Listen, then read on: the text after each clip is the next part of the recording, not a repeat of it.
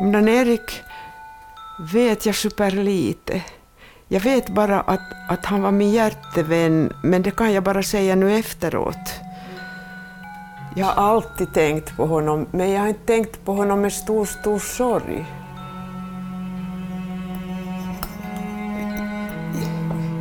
Jag, jag skuldbelade mig själv. Tänk, tänk att jag hade glömt honom och inte gjort något för honom.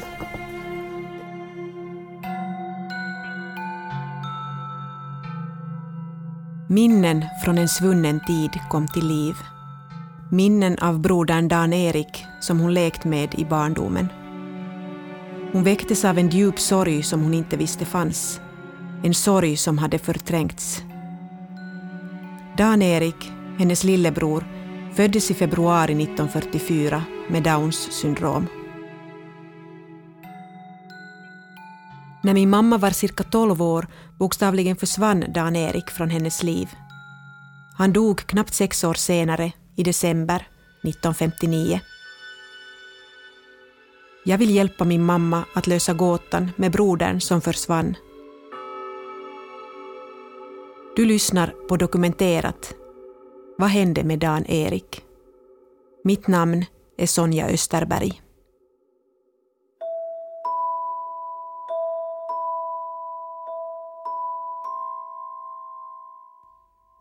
Inte kan man begrava sorg i tystnad. Inte kan man nonchalera att barn känner sorg.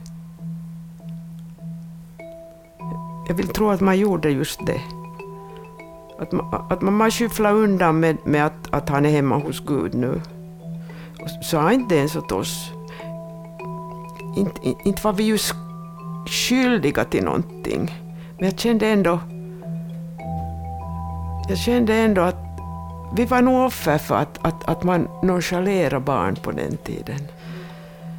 Jag kom på det då när Dag hade dött och jag började satsa på att fara till Jeppo och själv sköta graven.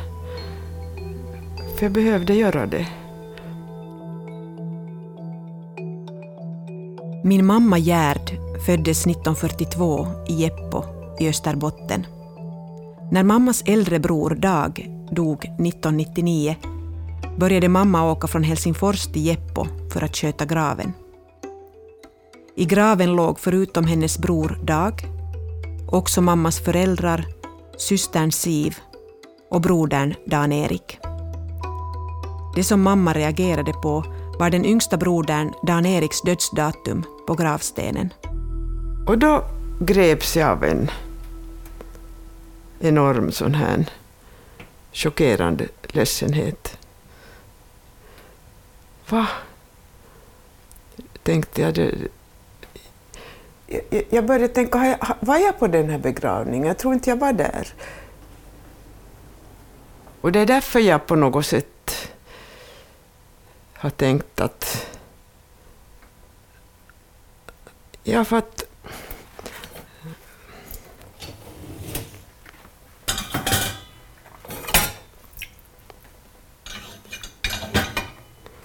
Det var, det, det var ingenting att samtala kring någonting som barn skulle haft något att säga till om i mitt fall. Men det förvånar mig att jag har så stark sorg över honom.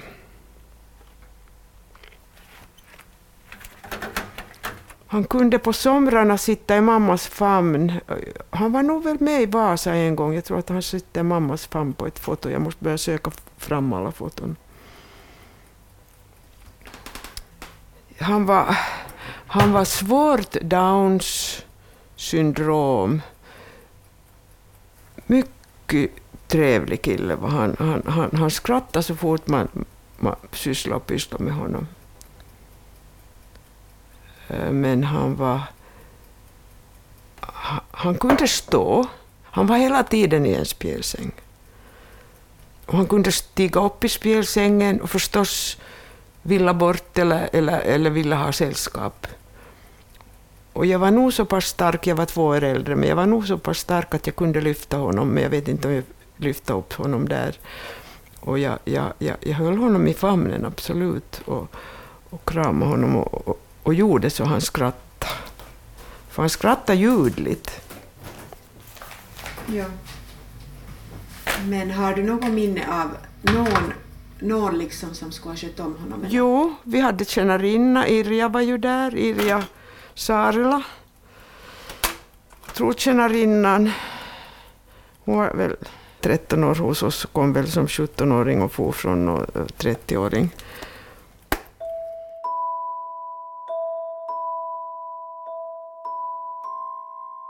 Mamma har ett minne av att Dan-Erik finns på ett foto där han sitter i någons famn. Och igår så gick jag igenom alla våra foton. Och då hittade jag det där fotot som fanns i mitt sinne, som jag tänkte, månne det var han som var där. Men, men så, ja, så, så, så, så nu, nu, nu vet jag och ser jag att det är Dag. Det är pappa, pappa Anlis mamma Dag. Men så där såg Dan-Erik ut när, i mitt minne.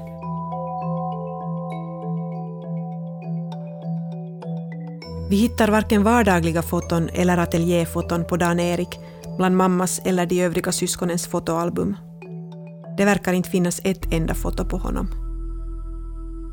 Det fanns inte ett foto framme på honom så att han skulle haft en hedersplats i familjen han tillhörde. Han finns inte på våra familjefoton som är ordnade och sådana ateljéfoton. Han, han var exkluderad. Har du något minne av Dan-Erik och hans skolgång? Dan-Erik, Ja, skulle han, hade han någon, kunde han lära sig någonting? det satsade ingenting på honom. Det satsades ingenting på honom. Han, han satt, så länge jag minns, jag hade väl redan börjat skolan, i småskolan. Och vad som sen hände, han var, he, han var ju hemma ända tills prästgården renoveras. Det är därför det, jag, jag minns det så bra. För att, för, för, för att han hamnade bort. Man planerade inte något rum åt honom där. Under en tid renoverades mammas hem, prästgården i Jeppo. Mammas familj bodde då i ett litet hus i närheten av kyrkan. Dan-Erik såg inte mamma mycket av. Det blev en vana att inte föra honom på tal. Har du årtalet på när det renoverades? Nå, 54, 54 kan det ha varit, då var jag ju redan 12. Ja. Så så jag var väldigt stor när jag fortfarande inte hade någon talan i familjen. Jag hade aldrig fått någon talan. Så jag bara hörde när de diskuterade. Det var ju ett litet hus, och man satt nu inte precis i sovrummet, utan man satt nu i ett något sorts vardagsrum, större rum. Och där förhandlade de uttryckligen om Dan-Erik. Fanns han med då när, när prästgården renoverades? Så var Dan-Erik, var han också på det här andra stället? Jo, han måste ha varit där, men han var väl då där bara i köksregionen och vaktades av någon.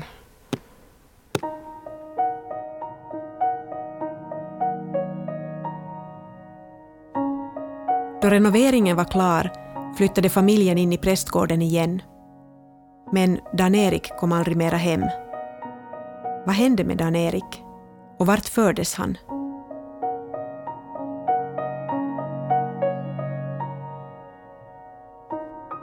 Vi beslutar att åka i Dan-Eriks kölvatten och ta reda på vad som hände med honom. Resan börjar på tåget till Vasa. Vi ska åka tillbaka till barndomstrakterna och träffa grannen Magnus Lönnvik som fortfarande bor alldeles intill prästgården där mamma växte upp.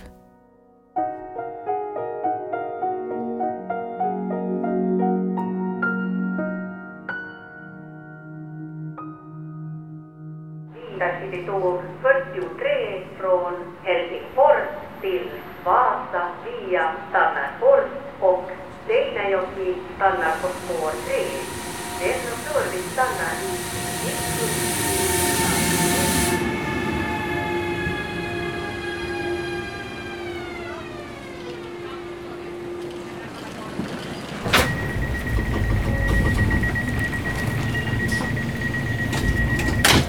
Inga nyheter, är också nyheter. Så det blir intressant att se vad har folk tyckt, vad har folk tänkt, vad har folk vetat jo, jag, jag är spänd på att se därför att att det var ju mig närmast och jag visste minst och jag fick veta minst.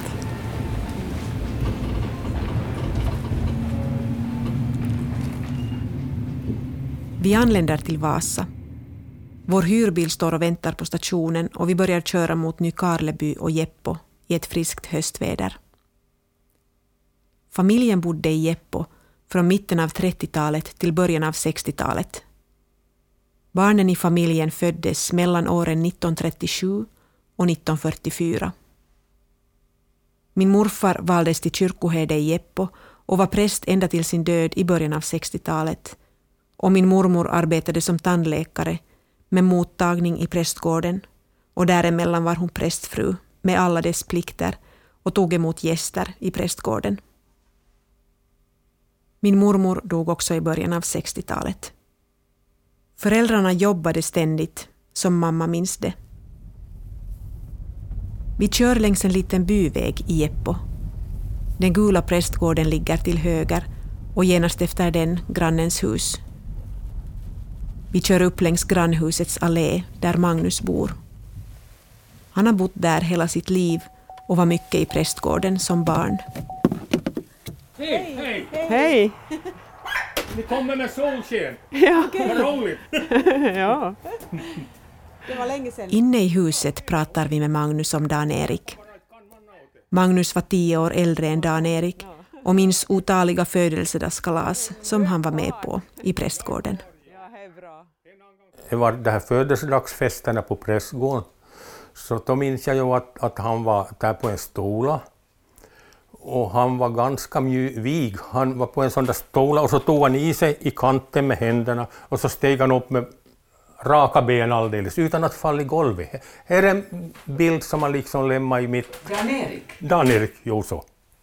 Och det var någon födelsedags... Det var föl- födelsedagsfest på prästgården och vi var ju där, då de fyllt en det ena, en det andra. Och vi fick mjölkchoklad där som var otroligt gott, för det var ju efter kriget och finns ju inte i Algola hit.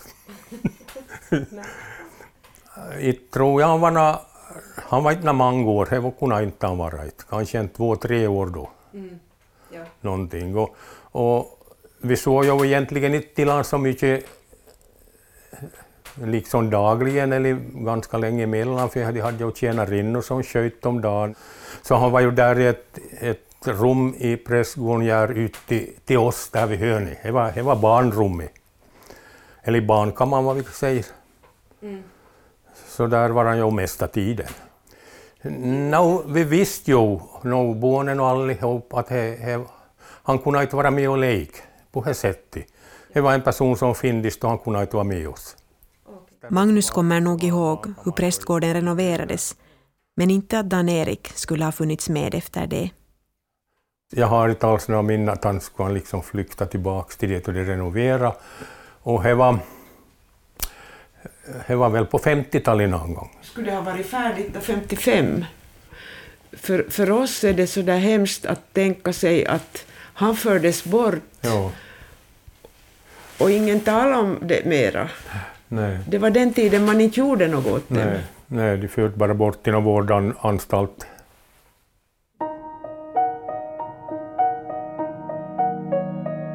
Magnus visar en bok om Jeppos historik och där får vi bekräftat att renoveringen skedde 1954. Vi säger hej då till Magnus och besöker sedan huset där familjen bodde då prästgården renoverades. Och det var här då i så fall i det här rummet som, som pappa sa att, att Lisa kommer inte att orka med lyfta och sköta dagen. Det, det var liksom förhandling mellan mamma och pappa, men jag var i samma rum och det, och det var nog det här rummet då. Och jag har det bara som ett minne. Det var inte någon som att, att, att sa åt mig, fast jag var ändå stor, Och det var min, min kompis, han, han var min bästa kompis, närmaste ska vi säga. Det är nu jag skulle vilja krama honom. Varför, fick, varför, varför måste han dö av sorg eller vad han dog av så tidigt? Han var bortförd och levde bara fem år. Som tonåring dog han ju. Jag har det här minnet att det talades om att de far alla dit. Alla far dit till Kårkulla i Pargas.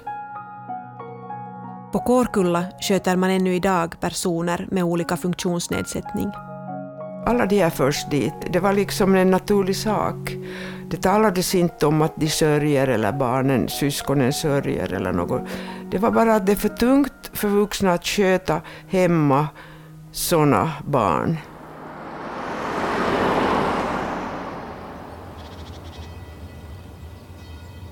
Följande dag åker vi till Nykarleby församlingskansli. Församlingssekreteraren Majvor Ek tar emot oss i sitt arbetsrum. Kyrkböckerna är digitaliserade och Majvor hjälper oss att hitta information om Dan-Erik. Mm, här hittar vi nog Dan-Erik Runar. Han dog 2012-59. Mm. Och här finns då en anteckning och, och där står det faktiskt antecknat Valijala anstalt. Vad för slag? Vaalijala anstalt. Vaalijala anstalt. Mm. Jo, i, i, min värld finns bara Kårkulla. Mm. Men det, det, det, då måste vi fara till Valijala anstalt. Ja. Var det där han dog, på Valijala anstalt? Eh, no, den här boken är ju nog från 1951. Och någon gång under perioden 51 till 60 så har han säkert då förts till Valijala anstalt. Men det står inget datum här, som du ju också ser. Nej. Ja. Ja. Mm. Så här kan man ju som aldrig veta när for han. Valjala. Det är intressant att ta reda på vad det är. Det var kanske en sån där plats dit man först förde sådana här personer och så. Korkulla måste ju veta resten.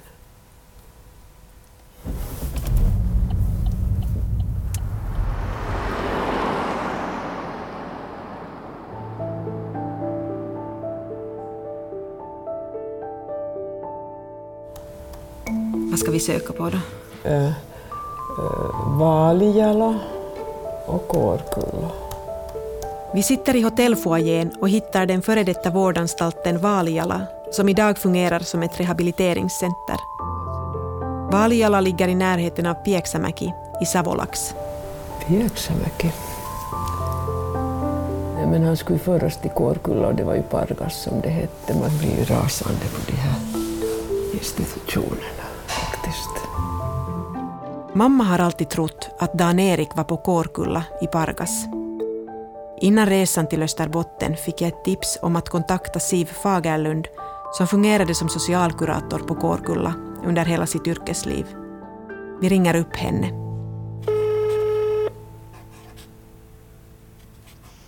Siv Fagerlund. Nå hej, här är Sonja Österberg. Ja. Hej. Ja, hej. Hej. Vi alltså försöker ta reda på Gerds bror, Dan-Erik Söderholm, som föddes 1944. Ja, Och eh, troligen 1954 har han flyttats någonstans. ja, Och, och vi, vi tänkte närmast fråga eh, vad Kårkulla kan bidra i fråga om data, data, data och uppgifter och finns det foton ens på honom? Nå, nu är det ju på det sättet att, att Kårkulla fanns inte då, 54. Aha, aha, Kårkulla kom först 1960 aha. och det där, em, så att han, han finns inte på Kårkulla. aha. Det fanns också Rinnehemmet eh, som var i Helsingfors. Och vi, vi vet ju att, att, att på Rinnehemmet så tog de emot svenska utvecklingsstörda att situationen var ju väldigt, väldigt svår i Svenskfinland före 60-talet och föräldrarna tog väldigt illa upp och många föräldrar blev också sjuka därför att de orkade inte sköta sina barn. Så, så därför så, så skickade man dem då till de här finska anstalterna så länge det inte fanns någonting på svenska. Och på sjukhusen så kunde man också säga åt, åt de föräldrarna att ta inte hem det här barnet, lämna bort det. Ja, om man kan säga något till försvar för det här så, så var det nog tidsandan. Just det. Tidsandan var ju väldigt sån att man, man inte, man skulle inte riktigt bry sig. Alltså den här attityden var väldigt, väldigt negativ så att troligtvis så, hade, så var det liksom den attityden som föräldrarna hade tagit upp från den som fanns i samhället. Jo, det, det var ju en skam att ha ett fel, felartat barn. Det var ju, det var ju livsfarligt att för, för framtiden Jo. om det skulle gå i arv och så vidare. Så det här var inte några lätta tider, vill jag säga. Det fanns mycket liten kunskap om utvecklingsstörda på den tiden. Det fanns till exempel ingen bok som egentligen talade om dem. Ja, när jag tänker nu på honom så tycker jag han verkar liksom reagera, vara glad och när man är med honom. Och, och, och, och, han satt med, med händerna liksom bakom ryggen ungefär och dunkade huvudet hela tiden i den där spjälsängen. Alltså det gjorde de, de som inte hade någon sysselsättning. De duckade huvudet. Just. Okej, det, Därför att, ja, för de hade ju ingenting annat att göra än ja, att dunka. ja, ja. Det, det här vill jag nu tacka så mycket för. Det här. Hallå? Vi är kvar, vi är kvar. Hallå? Jag, vill, jag vill tacka för din berättelse. Ja, för all del. Jag förstår dina sår.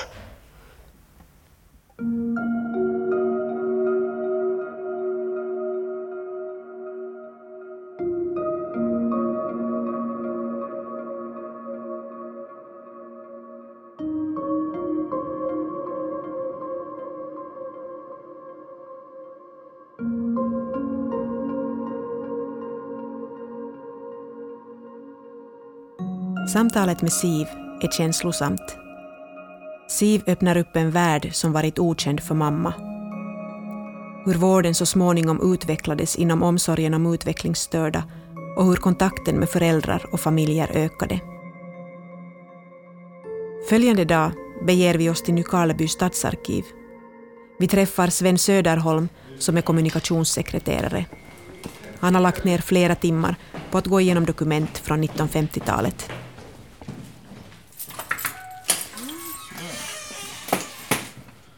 Välkomna till katakomben. Nu ska vi kolla. Så det, där, det som jag har lyckats hitta så är bland annat ett vårdkort.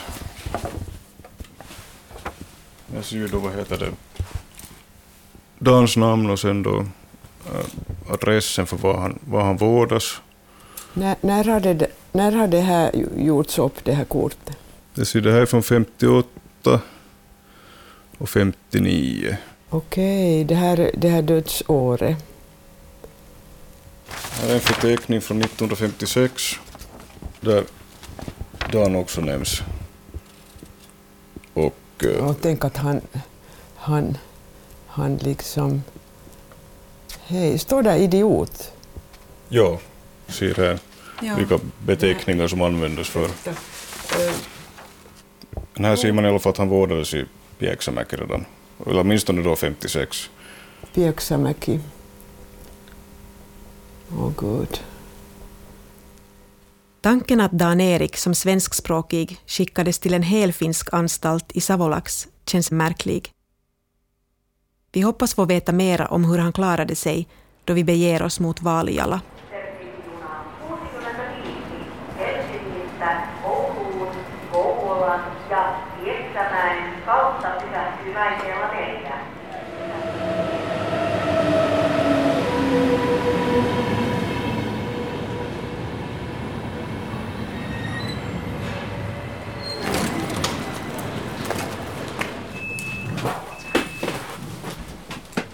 Far vi norrut. Hur känns det? Bra, superbra.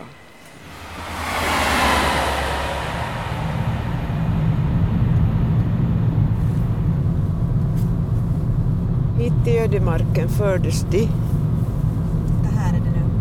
Nenonpelto, Valjala. Det låter som en besvärjelse.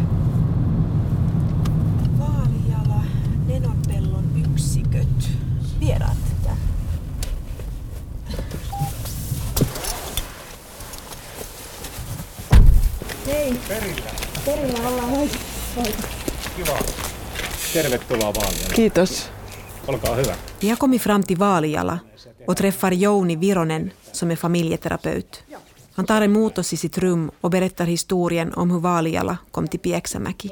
Joo, täällä ei asuta enää, joo, mutta silloin tämä oli myöskin niin kuin ihmisten koti. Ihmisillä oli täällä työtä, toimeentuloa, täällä oli omat leipomot, täällä oli omat sikalat, täällä oli omat keittiöt. Halolla lämmitettiin koko laitosalue. Ihmiset tekivät työtä työn kautta, niin kuin toteuttivat itseään. Ja Vaaliala grundades i Sordavala i storfurstendömet Finland år 1907. Mitt under vinterkriget 1940 evakuerades sedan hela verksamheten med alla människor till olika områden i Finland. Pieksämäki jobbade med att få verksamheten dit och år 1952 stod de första byggnaderna färdiga i det som skulle fortsätta heta Vaaliala. Ja Dan Erikko on mun tietojen mukaan tullut rinnekodista. Eli hän oli rinnekodissa ennen tultuaan tänne. Ainakin yksi paperi mä näin semmoinen, mikä, mikä on niin kuin rinnekodin leimalla Okei. tehty. Mutta tänne hän on tullut 13.11.54 ja on kuollut Valjalassa 20. päivä 12.59. Joo. Joo. Mä katson, että mä syyllistän hirveästi vanhempiani, mutta mä myöskin ymmärrän, että he, he uskoivat tekevänsä parha, parhaansa. Useasti näin on, on että, tuota, että kumminkin se tarkoitus on ollut hyvä ja paras mahdollinen. Mm, ja Mm. se aika, aika, aika niin kuin on ollut semmoinen, että se on ollut monelle hyvin arka asia. Just niin. Vammaisuus, erilaisuus ja tällaiset sairaudet. Häpeä. häpeä, syyllisyyden Just, tunne joo. ja omaisten kanssa tehtävä yhteistyö oli kuitenkin aika vähäistä. Tulivatko perheet katsomaan täällä olevia lapsiaan? Silloin on käynyt omaisia, mutta infrastruktuuri, liikkuminen, kaikki on ollut toisenlaista Joo. ja on ollut paljon vammaisia ihmisiä, joita ei ole käyty katsomassa. Just joo. tota niin, mulla on todennäköinen rakennus, jossa hän on täällä ollut. Me voidaan mennä katsomaan.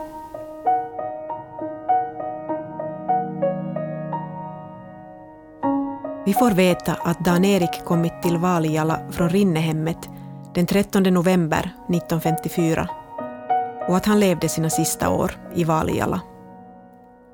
Jouni berättar hur allt såg annorlunda ut förr. Det fanns många med utvecklingsstörning som inte fick besök. Jouni visar oss byggnaden där Dan-Erik troligen levde de sista åren av sitt liv. Eli tässä on ollut silloin tuota, se osasto seitsemän. Ja yläkerrassa on ollut osasto kahdeksan. Ja tässä on ollut silloin niin kuin ihmisiä, joiden, joilla on ollut jonkunlainen liikuntarajoite, taikka jotka on ollut tota, niin, semmoisen vaativamman hoidon tarpeessa. Ja semmoisen, niin kuin, että heillä on ympärivuorokautinen turva. Tässä hän on kävellyt, tässä hän on ollut, tästä hän on mennyt ruokasaliin tai toimistolle, sitten hänet on viety ja hänen kanssaan on oltu taikka päivätoimintaa tai missä hän on sitten täällä vaikuttanut. Että tässä on tämmöinen tuota, Tässä on ruokailut jo. asumisyksikkö. Ja, Tässä on ruokailut jo. joo. Aika kiva näköinen.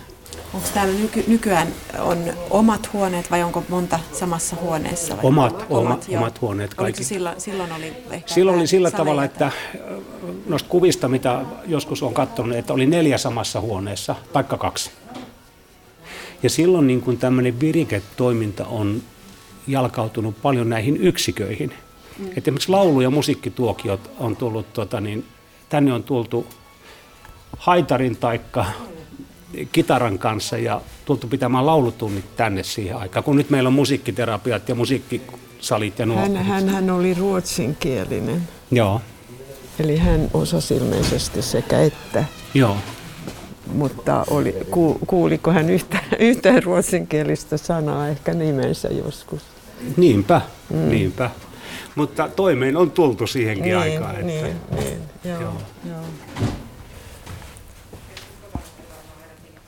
Men nu har du varit med med Dan-Erik lite. Ja, det är väldigt fint att vara här. Det, det är faktiskt fint att, att, att, att, att jag behöver inte ha en sån här skräckbild. Mm. Att jag sörjer ju svårt att jag inte har fått krama honom och se honom. Och jag måste ju också tänka på att föräldrarna har sörjt, fast jag tänker nog inte på det egentligen. För de förde oss bakom ljuset. Men ja, jag är nog hemskt...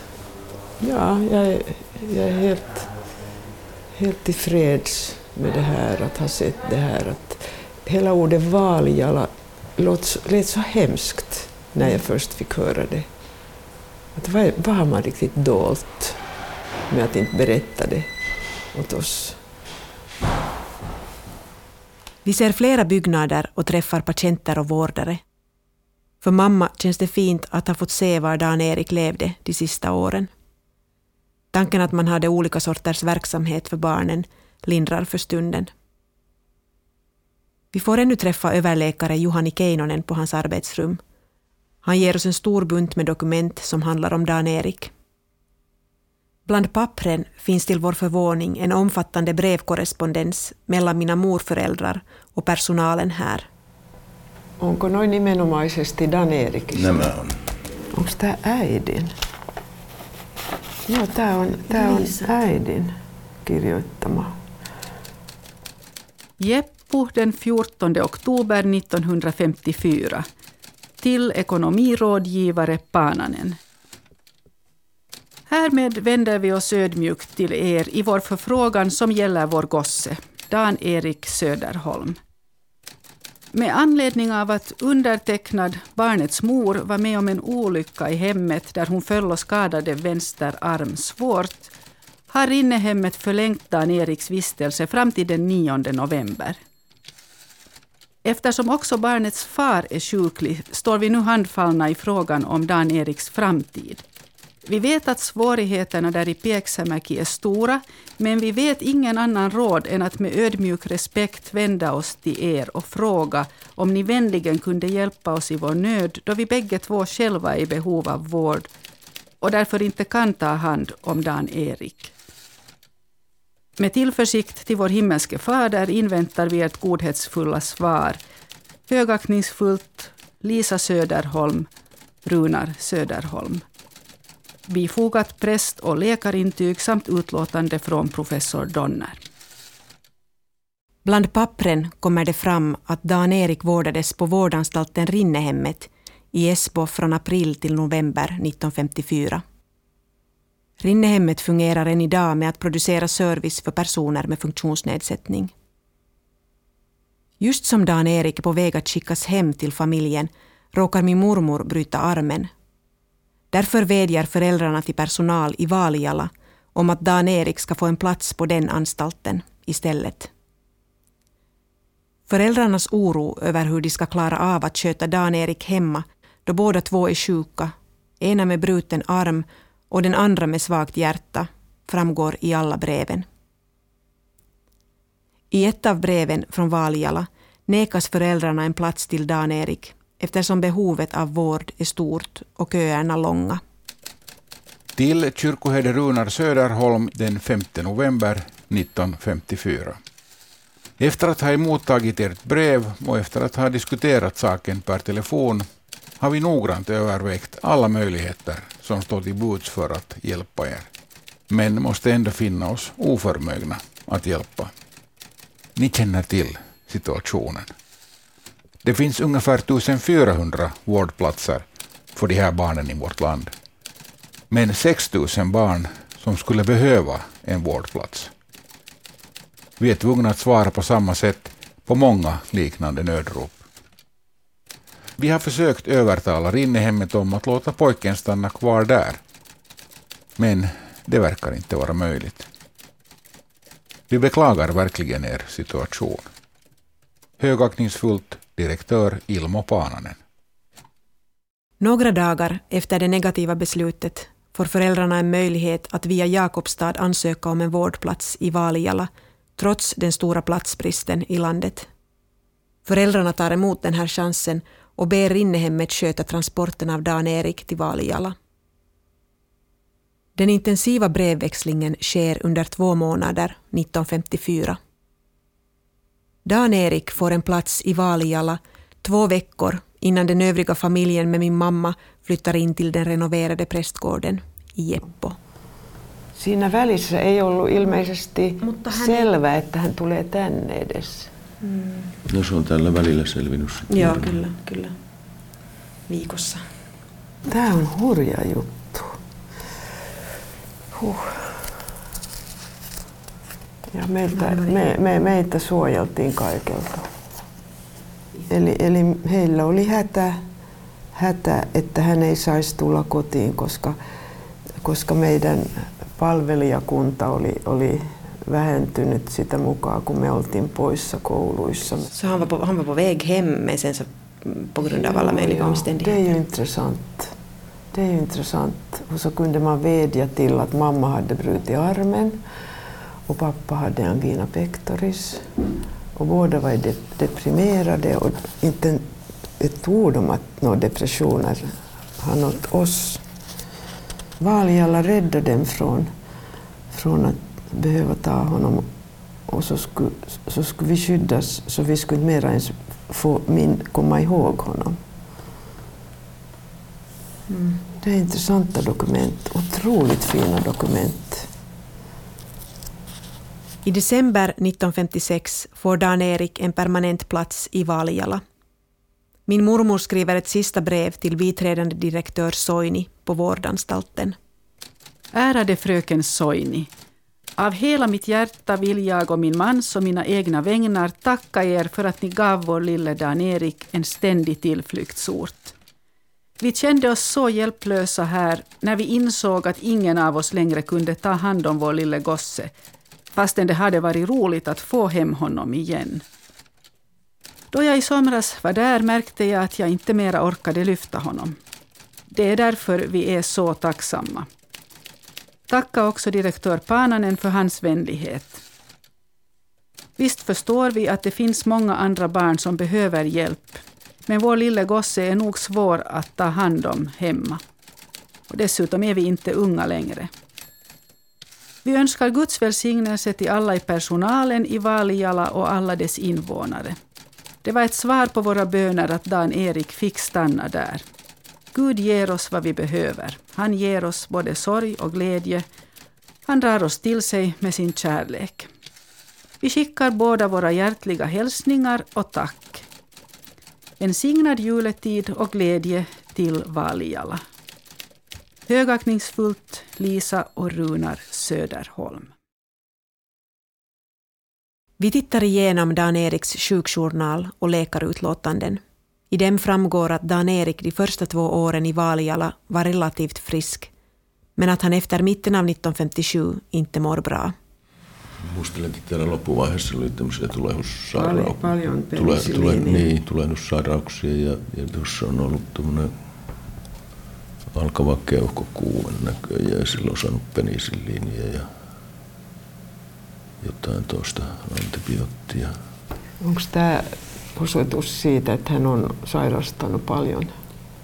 No ei täällä alkupuolella sitä ollut, mutta tässä on tuolla satunnaisia kyllä tuollakin vuonna 57, mutta tässä on ollut tässä viimeisenä vuonna on ollut, ollut selvästi hengitystiesairauksia ja Oj, oj, oj. oj, oj men får vi gå bio på det här allting? Oj, vad fint. vad fantastiskt. Nu får man äntligen fast sina föräldrar. Valtava ruokahalo. Iltaisin val, valvoskelee pitkään.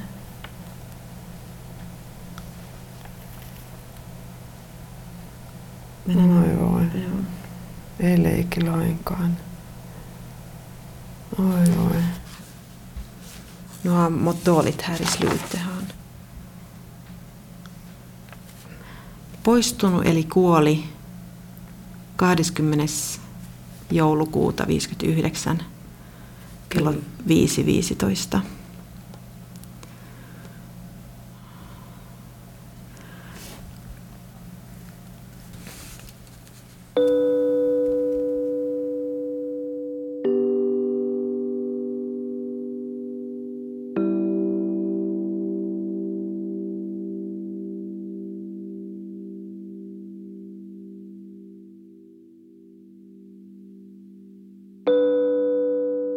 I är Dan-Erik ofta sjuk i flera perioder. Han är orolig, vägrar ligga i sängen, har feber, hög puls. Han får lugnande medicin, penicillin, medicin mot illamående. Han kastar upp otaliga gånger, ibland i flera veckors tid. Orsaken förblir oklar. Det sista året misstänker man hjärtsvikt, står det antecknat med ett frågetecken på ett dokument. Dan-Erik dör i mag och tarminflammation som 15 år, 9 månader och 25 dagar gammal. Han begravs 28 december 1959 i Jeppo.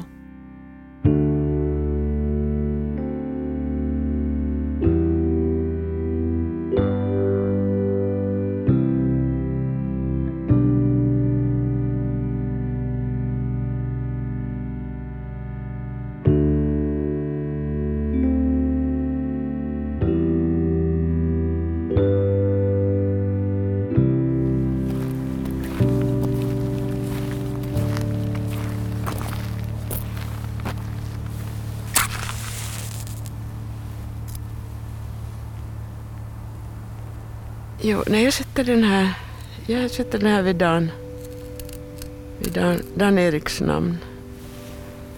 Den ser bra ut nu. Den är arrangerad för vintern. Vintern som kommer.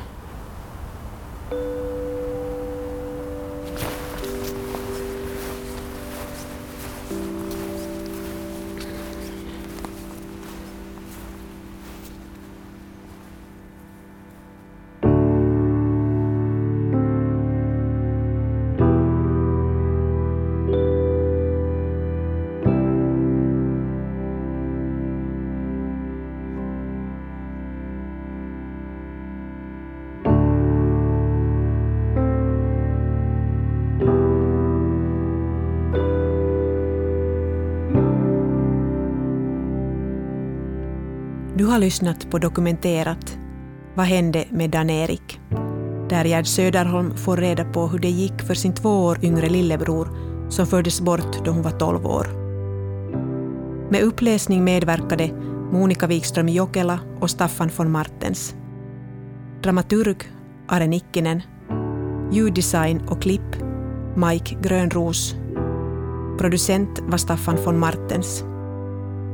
Vi tackar alla personer som vi fått träffa medan vi letat efter Dan-Erik. Mitt namn är Sonja Österberg.